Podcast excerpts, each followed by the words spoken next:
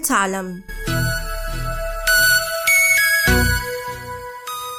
معي أنا سليمة لوبال.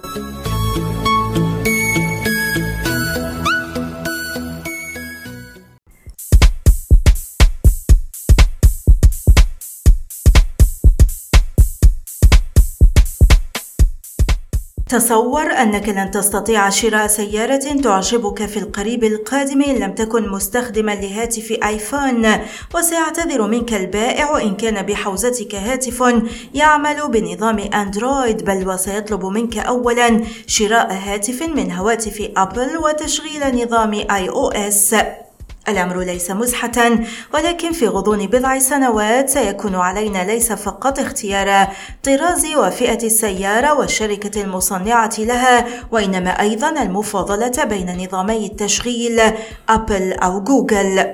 لقد تحولت السيارات الكهربائية إلى شكل من أشكال الهواتف الذكية التي تسير على أربع عجلات بينما تطغى على صناعة السيارات ديناميكية تشبه الديناميكية التي شهدتها صناعة الهواتف الذكية في أيامها الأولى بعد أن اتخذت المنافسة بين أكبر عملاقين في قطاع الهواتف الذكية بعدا شديدا.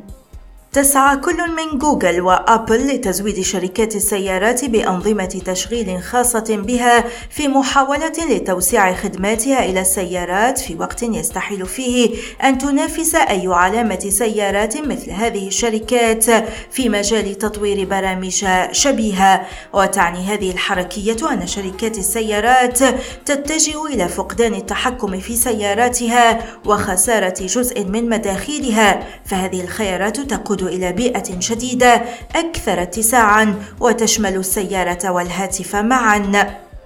من المتوقع أن تراقب أنظمة التشغيل الذكية نظام المساعدة على القيادة الذي يتحكم في السرعة واتجاه السيارة على الطريق السريع وبرمجة الحواسيب التي تضمن توقف السيارة عند الضغط على الكوابح بطريقة أوتوماتيكية.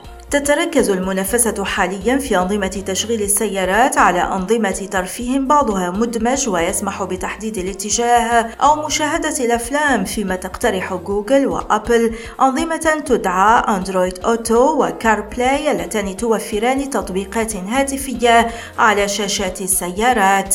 وحتى الآن أعلنت جوجل توقيع شراكات مع نحو عشر شركات سيارات بينها هوندا و BMW ورونو نيسان ميتسوبيشي جنرال موتورز فيما لم تعلن أبل بعد عن نظام شبيه لأندرويد أوتوموتيف الذي تطوره جوجل حاليا لكنها تتجه العام المقبل لإبرام شراكات لتسويق الجيل الجديد من كار بلاي مع شركات سيارات أبرزها بورش ومرسيدس ورونو وهوندا وفورد وفولفو. رغم المخاوف المرتبطة بالأمان نتيجة دمج أنظمة الهواتف على لوحات القيادة إلا أن لا أحد يملك فكرة عن البيئة الجديدة التي ستفرضها كل من جوجل وأبل وأمازون التي يمكن أن تحاول استبدال السيارات الشخصية بتاكسي روبوت من صناعة شركة وايمو التي تملكها جوجل أو زوكس التابعة لأمازون واللتان تشتغلان وفق نظام أبل.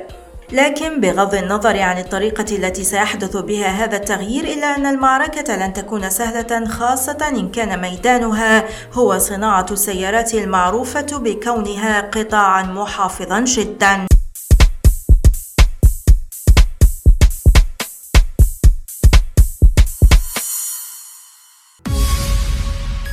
والآن إلى اللقاء مع حلقة جديدة من بودكاست هل تعلم؟